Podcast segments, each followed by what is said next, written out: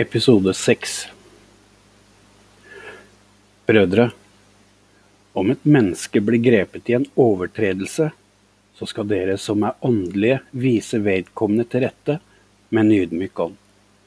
Men bare pass dere selv, så ikke dere selv også blir fristet. Og bær hverandres byrder, og oppfyll på den måten Kristi lov. For om noen mener om seg selv at han er noe, når han ikke er noen ting, så bedrar han seg selv. Men la hver enkelt prøve sitt eget verk, og så skal han ha ros etter det han selv er, og ikke til det andre er. For hver enkelt skal bære sin egen bør.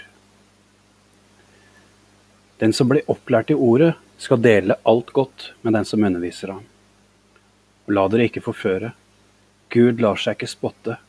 Det et menneske sår, skal han også høste. For den som sår i sitt kjøtt, skal høste fordervelse av kjøttet. Men den som sår i ånden, skal høste evig liv av ånden. La oss ikke bli trette av å gjøre det gode, for i rette tid skal vi høste, om vi da bare ikke mister motet. La oss gjøre det gode mot alle mens vi har anledning og mulighet, spesielt mot de som er av troens folk. Se med hvor store bokstaver jeg har skrevet til dere, med min egen hånd. De som vil ta seg godt ut i det menneskelige, er de samme som vil tvinge dere til å bli omskåret, bare for at de ikke skal bli utsatt for forfølgelse på grunn av Kristi kors. For ikke engang de omskårne holder loven, men de vil gjerne få dere omskåret, slik at de kan rose seg av deres kjøtt. Men må det være langt ifra meg å rose meg av noe annet enn vår Herre Jesu Kristi kors.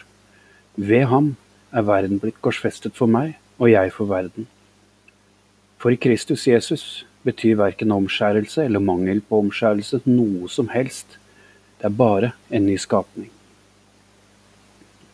Så mange som lever etter denne rettesnor, fred og miskunnelse være over dem, og over Guds Israel.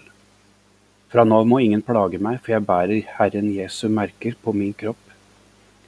Søsken, må Herre Jesu Kristi nåde være med deres ånd. Amen.